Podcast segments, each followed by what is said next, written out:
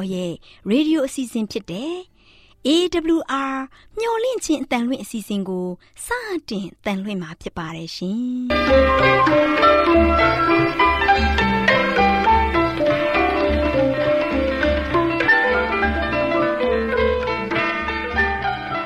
။ဒေါက်တာရှင်များခင်ဗျာမျော်လင့်ခြင်းအတန်မြန်မာအစီအစဉ်ကိုနက်နက်6နိုင်မိနစ်30မှ9နာရီအထိ16မီတာ kHz 10653ညညပိုင်း9နိုင်မှ9နိုင်မိနစ်30အထိ16မီတာ kHz 19533ညမှနေ့စဉ်အတန်လှွင့်ပေးနေပါတယ်ခင်ဗျာဒေါက်တာရှင်များရှင်ဒီကနေ့တင်ဆက်ထုတ်လွှင့်ပေးမယ့်အစီအစဉ်တွေကတော့ကျမ်းမာပျော်ရွှင်လူပေါင်းတွင်အစီအစဉ်တရားဒေသနာအစီအစဉ်အထွေထွေဘုဒ္ဓအစီအစဉ်တို့ဖြစ်ပါတယ်ရှင်ဒေါက်တာရှင်များရှင်အာရော temperament လာပန် ကျမ်းမာခြင်းသည် လူသားတိုင်းအတွက်အဓိကအရေးဖြစ်ပါသည်ဒါကြောင့်ကိုရောစိတ်ပါကျမ်းမာစေဖို့ယင်ကျမ်းမာခြင်းတရင်ကောင်းကို တင်ဆက်ပေးလိုက်ပါတယ်ရှင်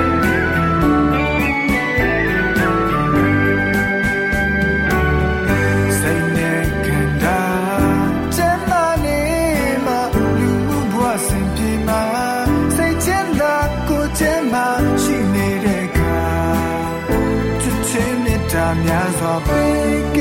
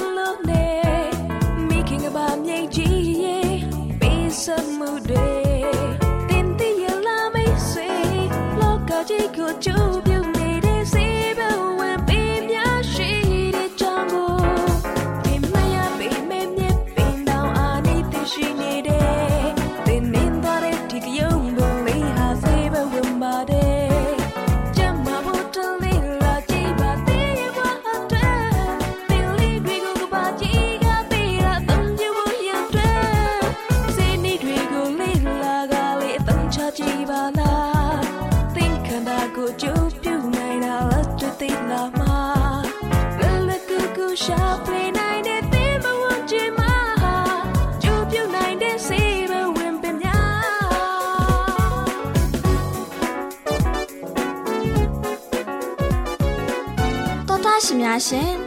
စေစွမ်းထက်တဲ့ဆေးပင်များကဏ္ဍမှာ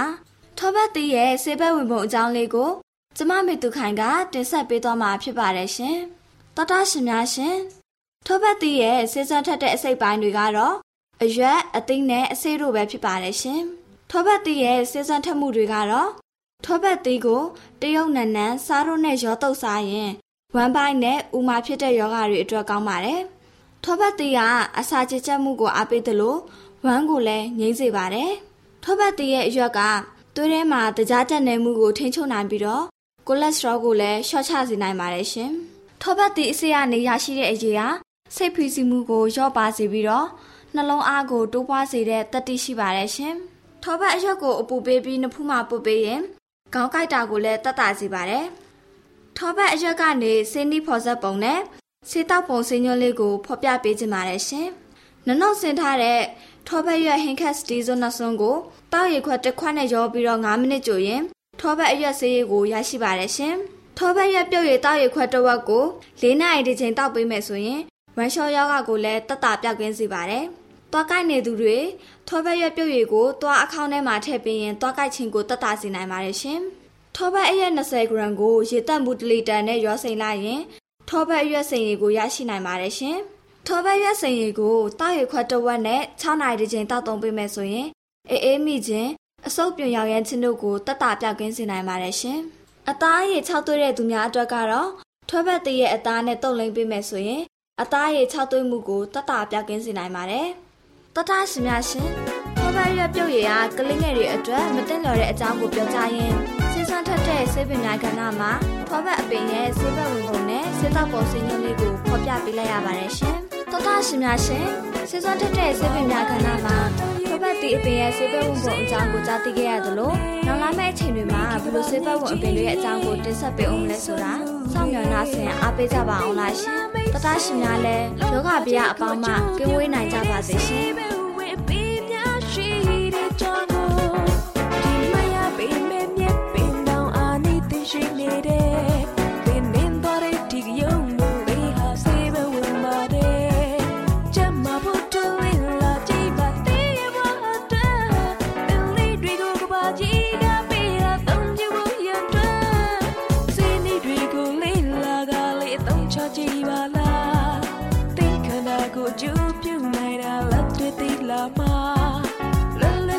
ကူကူ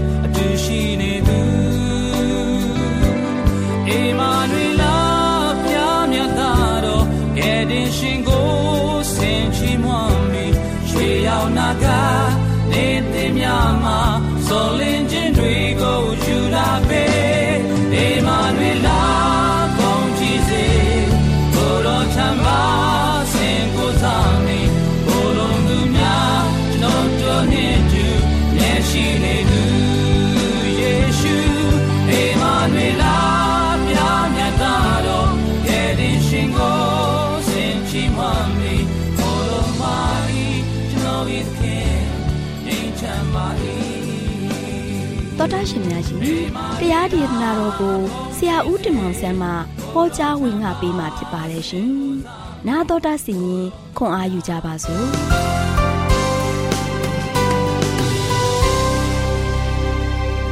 ကျွန်တော်သောတာရှင်ဓမ္မမိတ်ဆွေများမင်္ဂလာပါလို့ရှိစွာနှုတ်ခွန်းဆက်သကြပါတယ်ဒီနေ့မင်္ဂလာရှိသောနေ့သစ်မှာပြန်လည်ပြီးတော့ဖရာသခင်ရဲ့နာမတော်၌ မိတ်ဆွေတို့နဲ့တူပြန်လဲတွေ့ဆုံခွင့်ရတဲ့အတွက်ကြောင့်အထူးပဲဝမ်းသာပါတယ်မိတ်ဆွေများအားလုံးယနေ့ကြားနာရမယ့်ဖြစ်တဲ့သတင်းစကားကတော့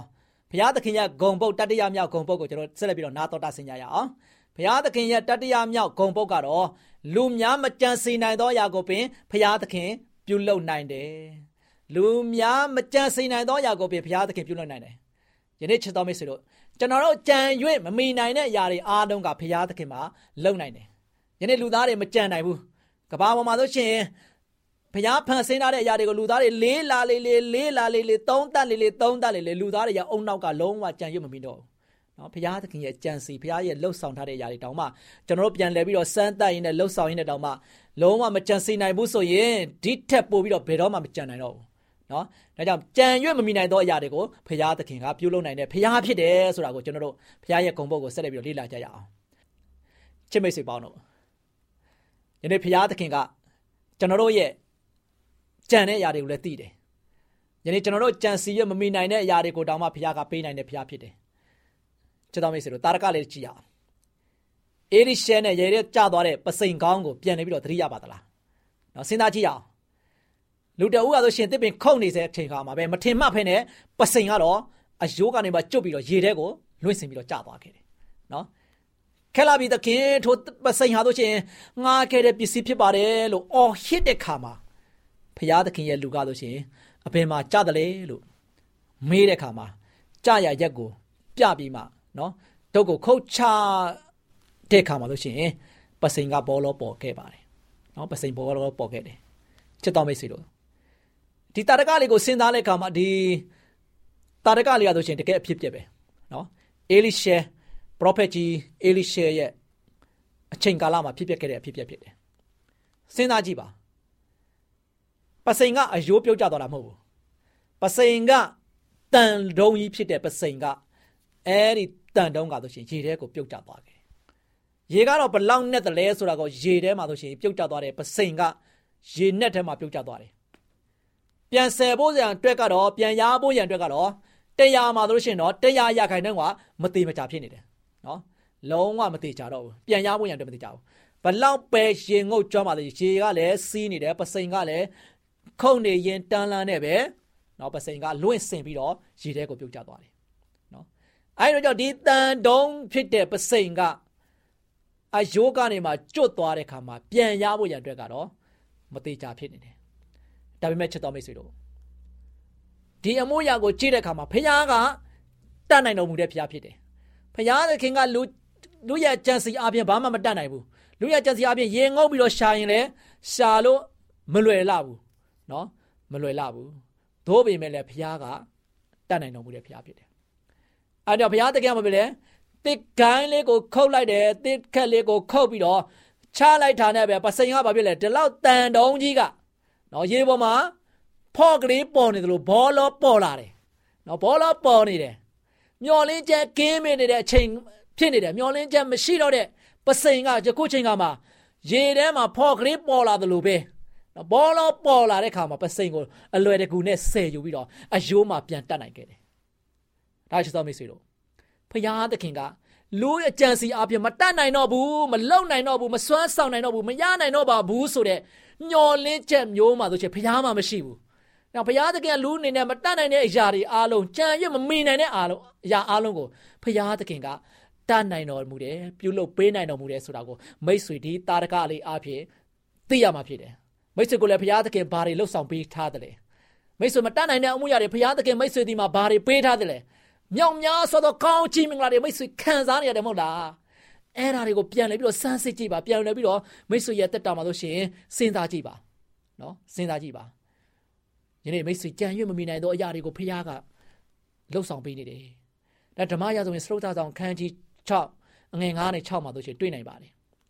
ထိုစကားမှာတို့ရှင်ငားရန်ထားတဲ့ပစိန်ဟာတို့ရှင်ကောင်းသောအရာကိုလှုပ်ဆောင်မှုရန်အတွက်စ조사ခဲ့တဲ့သူ့ရဲ့နှုတ်မှာပြန်ထွက်လာသောသတင်းစကားဖြစ်ပါတယ်နော်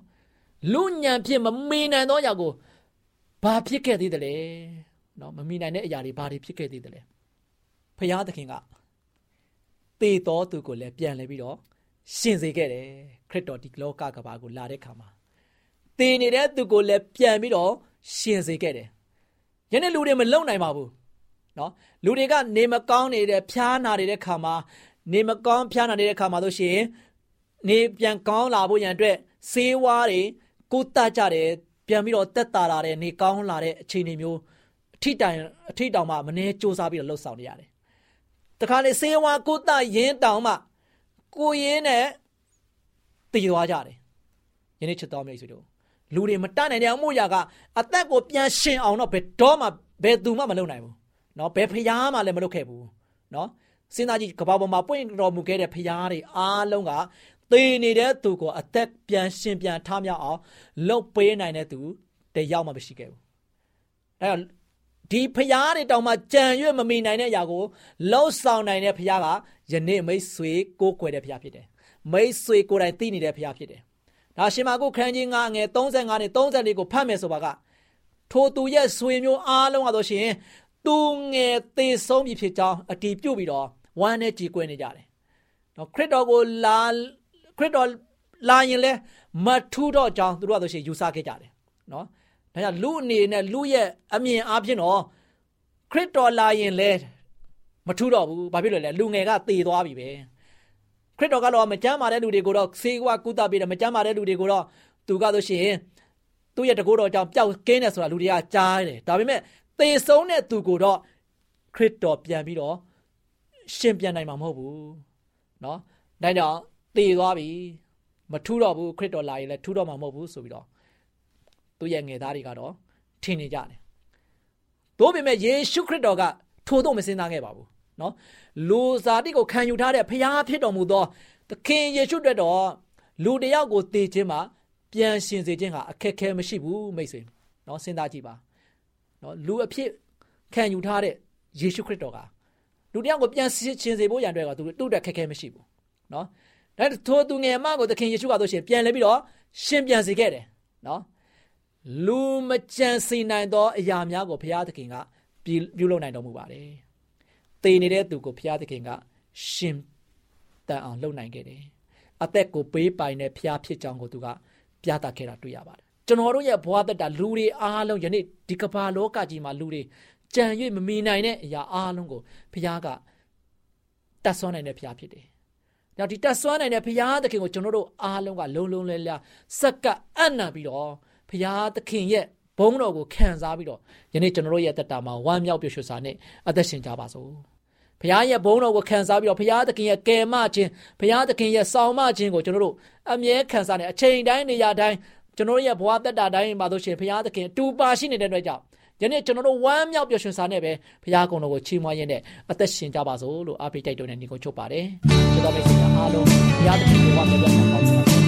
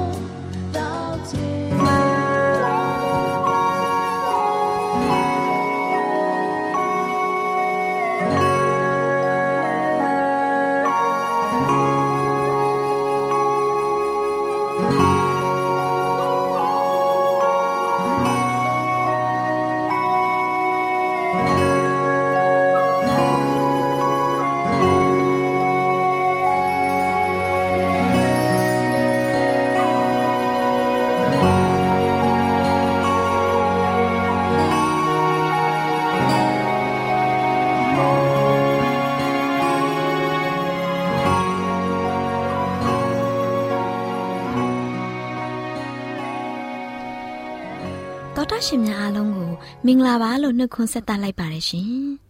တော်တာရှင်များရှင်ခုချိန်မှာစံပြအိမ်အောင်ဆိုတဲ့စာအုပ်ထဲကတန့်ရှင်သောပတ်ဝန်းကျင်ဖန်တီးခြင်းဆိုတဲ့အကြောင်းအရာနဲ့ပတ်သက်ပြီးတင်ဆက်ပေးချင်ပါတယ်ရှင်တော်တာရှင်များရှင်ခရိယန်အိမ်အောင်တိုင်းမှာစီကံရှိသင့်ပါတယ် မိဘနှစ်ပါးတို့ရဲ့အချင်းချင်းပြောဆိုဆက်ဆံပုံနဲ့အမှုရာတွေဟာတာသမီများအားဖြစ်လာစေလိုတဲ့အတိုင်းမျက်နှိုးဖွယ်သော ပုံစံနမူနာများဖြစ်နေသင့်ပါတယ်။တန့်စင်တဲ့အပြောဆိုနဲ့မှန်ကန်တဲ့ခရိယန်ယဉ်ကျေးမှုကိုဆွဲမြဲကျင့်သုံးသင့်ပါတယ်။သားသမီးများနဲ့လူငယ်များအားအချင်းချင်းလေးစားရန်နဲ့ဖျားသခင်ကိုကြောက်ရွံ့ယိုသည်ပြီး လူကျင့်ဝတ်များကိုလိုက်နာစောင့်ရှောက်ရန်လမ်းညွှန်ကြက်မှတ်ရမယ်။ဖျားသခင်ရဲ့ပြည့်ညတ်တော်တွေကိုလည်းစောင့်ရှောက်ယူသည်လေးစားရန်မိဘတွေကတင် जा ပေးရမယ်။ဒီလိုကျင့်ဝတ်ကျင့်စဉ်တွေကိုသားသမီးတွေရဲ့အသက်တာမှာပုံသွင်းပေးနိုင်မယ်ဆိုရင်လူအများနဲ့ပေါင်းသင်းဆက်ဆံရမှာလည်းအထောက်အမဖြစ်နေပါလိမ့်မယ်။ သားသမီးတွေဟာဝိညာဉ်ခွန်အားနည်းတဲ့အပေါင်းအသင်းတွေကိုလည်းတန့်ရှင်းရနိုင်ငံတော်သို့တွားရလန်းနဲ့တန့်ရှင်းဖြူစင်တဲ့ပတ်ဝန်းကျင်ကိုဖန်တီးပေးနိုင်ကြပါလိမ့်မယ်။မိဘတို့ရဲ့ဆုံးမဩဝါဒတိုင်းဟာအဆင့်တန်းမြင့်ပြီးမုံမြတ်တဲ့အကြောင်းအချက်တွေဖြစ်နေသင့်ပါတယ်။ဒါမှသာတရားစီရင်ရာနေ့ရက်ကိုရောက်တဲ့အခါအသက်စာဆောင်မှာရှက်ကြောက်ခြင်းနဲ့ကင်းစင်တဲ့မှတ်တမ်းကိုတွေ့မြင်ရမှာဖြစ်ပါတယ်ရှင်။ ဒီလိုတင် जा ချက်တွေကိုရရှိထားတဲ့သားသမီးတွေဟာလည်းကြီးလေးတဲ့တာဝန်ကိုထမ်းဆောင်နိုင်ပြီးသူတို့ရဲ့ပုံစံနမူနာအားဖြင့်သူတစ်ပါးတွေဟာလည်းအမှန်တရားကိုမြင်နိုင်မှာဖြစ်ပါတယ်။ကိုချင်းတရားထိမ့်သိမ့်တဲ့သူတွေဟာအဲ့ဒီလူချင်းဝန်စည်းကမ်းတွေကိုလေးစားကြမှာဖြစ်ပါတယ်။သားသမီးတွေရဲ့ကာယခွန်အားညံဆွဲအင်နဲ့ကျင့်ဝတ်ကျင့်စဉ်တွေကိုအတူယူလာကြလိမ့်မယ်။ ဒီလိုသူတွေဟာခိုင်ခန့်မြဲမြံတဲ့နံရံနဲ့ကာကွယ်ထားပြီးဖြစ်တဲ့အတွက်မကောင်းမှုတွေကိုသွေးဆောင်တဲ့ဒုစရိုက်တွေကိုလည်းလွယ်ကူစွာကြောခိုင်းနိုင်ကြပါလိမ့်မယ်။သောတာရှင်များရှင်ရှင်လန်းချမ်းမြေပွဲဖြစ်တဲ့အိမ်တောင်ပြိုးထောင်ပါ ကယ်တင်ရှင်ရဲ့ဂုံအင်္ဂါလက္ခဏာတွေကိုလိုက်လျှောက်ကျင့်သုံးရမှာမိဘတွေနဲ့သားသမီးတွေအတွေ့ရှင်လန်းချမ်းမြေပွဲအိမ်တောင်တီထောင်ရမယ့်ဝတ္တရားကိုဘယ်သောအခါမှတတိမလစ်ပါနဲ့သခင်ခရစ်တော်ကိုအိမ်အောင်ထဲသို့ခေါ်ဆောင်ထားမယ်ဆိုရင်မိဘတွေဟာလည်းအမားနဲ့အမှန်ကိုခွဲခြားသိမြင်မှာဖြစ်ပါတယ်။သားသမီးတွေကိုလည်းဖြောင့်မတ်တဲ့တစ်ပင်တွေအနေနဲ့ရက်တီလဲရှိပြီးဝိညာဉ်တော်အသီးကိုတီးချဖို့ကူညီမဆနိုင်မှာဖြစ်ပါတယ်။ တော်တာရှင်များရှင်လူဖွာအသက်တာမှာဒုက္ခများဖြစ်စည်းလွှမ်းမိုးမှုတွေကြုံတတ်ပါတယ်ဒုက္ခဆိုတာလူသားတို့တွေ့ကြုံရစမြဲဓမ္မတာပဲဖြစ်ပါတယ်ရှင် ဒီလိုတိမ်လွှာဖုံးအုပ်ထားတဲ့အလားတာယာမှုကိမဲ့တဲ့နေ့ရက်တွေကိုရင်ဆိုင်ရတဲ့အခါတီးခံခြင်းတရားကျေးဇူးတရားနဲ့မေတ္တာတရားအပြင်ဝမ်းမြောက်ရွှင်လန်းခြင်းတရားကိုရယူလိုက်ပါရိုးရိုးရှင်းရှင်းနေအိမ်ဖြစ်စေပြီးရွှင်လန်းဝမ်းမြောက်ဖွယ်သော စကားတွေကိုအမြဲတစေပြောဆိုကာကရုဏာတရားကိုလက်ကင်ထားပြီးယဉ်ကျေးသိမ်မွေ့ခြင်းနဲ့မေတ္တာတရားကိန်းအောင်တဲ့အိမ်တောင်ဖြစ်ပါစေ။ အိမ်အောင်ရဲ့စီကံကိုတန်ချိန်လုံးပမာမတင်းမာစေဘဲညံအမျောအမြင်ဖြစ်၎င်းမေတ္တာဖြင့်၎င်းကြီးကျက်ကိုကဲတင်ပါတယ်ရှင်။သားသမီးတို့ဟာလည်းမေတ္တာဖြင့်အုပ်ချုပ်ခြင်းကိုလိုလားစွာ လိုက်နာပါလိမ့်မယ်။မိဖတွေကလည်းသားသမီးတွေကို အလင်းတင်နိုင်ချီးမွမ်းပါသူတို့ရဲ့အသက်တာကိုတတ်နိုင်သမျှပျော်ရွှင်စရာဖြစ်စေပါ မေတ္တာကရုဏာကိုထင်ရှားစေခြင်းအပြင်သူတို့ရဲ့နှလုံးသားကိုပျော့ပြောင်းစေပါဒီလိုမှသားသမီးတွေရဲ့နှလုံးသားဟာတမန်တရားမျိုးစေ့အတွက်အသင့်ပြင်ထားပြီးဖြစ်ပါလိမ့်မယ်သခင်ဖျားဟာမြေကြီးပေါ်သို့မိုးတိမ်တဲ့ရေကိုသာပေးတာမဟုတ်ပဲတင့်တယ်လှပပြီးရှင်လန်းတဲ့ရောင်ခြည်ကိုပါပေးထားခြင်းဖြစ်တဲ့အတွက်တစ်စိတ်ကလေးများကိုအပင်ပေါက်စေကပန်းပွင့်ကလေးတွေကိုလည်းပွင့်လာစေတာကိုသတိပြုပါသားသမီးတို့ကိုအပြစ်ကိုဖော်ပြဆုံးမသွန်သင်ပေးခြင်းပြုံသာမကမေတ္တာကရုဏာရှိထားပြီးအားပေးချီးမွမ်းရမှာဖြစ်ပါတယ်ရှင်အိမ်တော်မှာစိတ်ဝမ်းကွဲမှုမရှိပါစေနဲ့ဖြောင့်မတ်ခြင်းတရား၌အိမ်တော်မိသားစုတိုင်းဟာအသင့်တင့်နေထိုင်ခြင်းနဲ့ငြိမ်သက်ခြင်းရရှိရန်လိုအပ်လာပါတယ်ရှင်နာတော်တာဆင်ခဲ့ကြတဲ့အိမ်တော်မိသားစုအားလုံးပေါ်ဖဖျားရှင်ကောင်းကြီးချပေးပါစေရှင်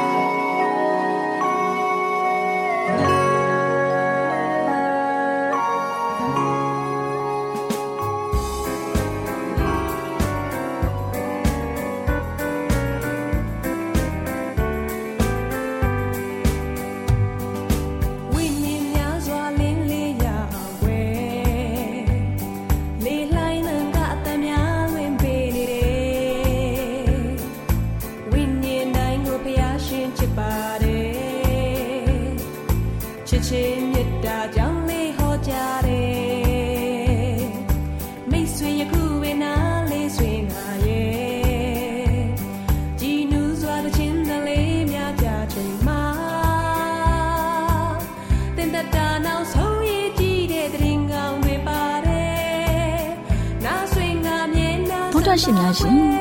ကျမတို့ရဲ့ဓာတ်တော်စာပေးစာယူတင်နန်းဌာနမှာအောက်ပါတင်ဒားများကိုပို့ချပေးရရှိပါလို့ရှင်တင်ဒားများမှာဆိဒ္ဓတုခရှာဖွေခြင်းခရစ်တော်၏အသက်တာနှင့်တုန်တင်ခြင်းများတဘာဝတရားဤဆရာဝန်ရှိပါကျမ်းမာခြင်းနှင့်အသက်ရှိခြင်းသင်နှင့်တင့်ကြမာရေးရှာဖွေတွေ့ရှိခြင်းလမ်းညွန်သင်ခန်းစာများဖြစ်ပါလို့ရှင်တင်ဒားအလုံးဟာအခမဲ့တင်ဒားတွေဖြစ်ပါတယ်ဖြစ် ဆိုပြီးတဲ့သူတိုင်းကိုဂုံပြုလွှာချင်းမြင့်ပေးမှာဖြစ်ပါလိမ့်ရှင်တော်တာရှင်များခင်ဗျာဓာတိတော်အတန်းစာပေးစာယူဌာနကိုဆက်သွယ်ခြင်းနဲ့ဆိုရင်တော့ဆက်သွယ်ရမယ့်ဖုန်းနံပါတ်ကတော့396 656 296 336နဲ့399 98 316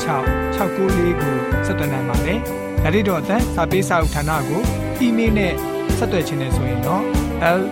r a w n g a w l a @gmail.com ကိုဆက်သွင်းနိုင်ပါတယ်။ဒါ့အပြင်တော့အတန်းစာပေးစာဥထာဏာကို Facebook နဲ့ဆက်သွယ်ခြင်းနဲ့ဆိုရင်တော့ S O E S A N D A R Facebook အကောင့်မှာဆက်သွင်းနိုင်ပါတယ်သောတာရှင်များရှင်ညှိုလင့်ချင်းတန်ရေဒီယိုအစီအစဉ်မှာတင်ဆက်ပေးနေတဲ့အကြောင်းအရာတွေကိုပုံမူသိရှိလိုပါကဆက်သွယ်ရမယ့်ဖုန်းနံပါတ်များကတော့399 663 686 826ဖြစ် ပါတယ်ရှင်နောက်ထပ်ဖုန်းတစ်လုံးနေနဲ့399 96 988 9669တို့ဆက်သွယ်မြင်းမြန်းနိုင်ပါတယ်ရှင်သောတာရှင်များရှင် KSTA အာကခွန်ကျွန်းမှာ AWR မျိုးလင့်ချစ်အတံမြန်မာအစီအစဉ်များကိုအတံလွှင့်တဲ့ခြင်းဖြစ်ပါတယ်ရှင်။ AWR မျိုးလင့်ချင်းအတန်ကိုနာတော်တာဆင် gay ကြတော့တော်တာရှင်အရောက်တိုင်းပေါ်မှာဘုရားသခင်ရဲ့ကြွယ်ဝစွာသောကောင်းကြီးမင်္ဂလာတက်ရောက်ပါစေ ကိုစိတ်နှဖျားစမ်းမွှေလန်းကြပါစေကျေးဇူးတင်ပါတယ်ခင်ဗျာ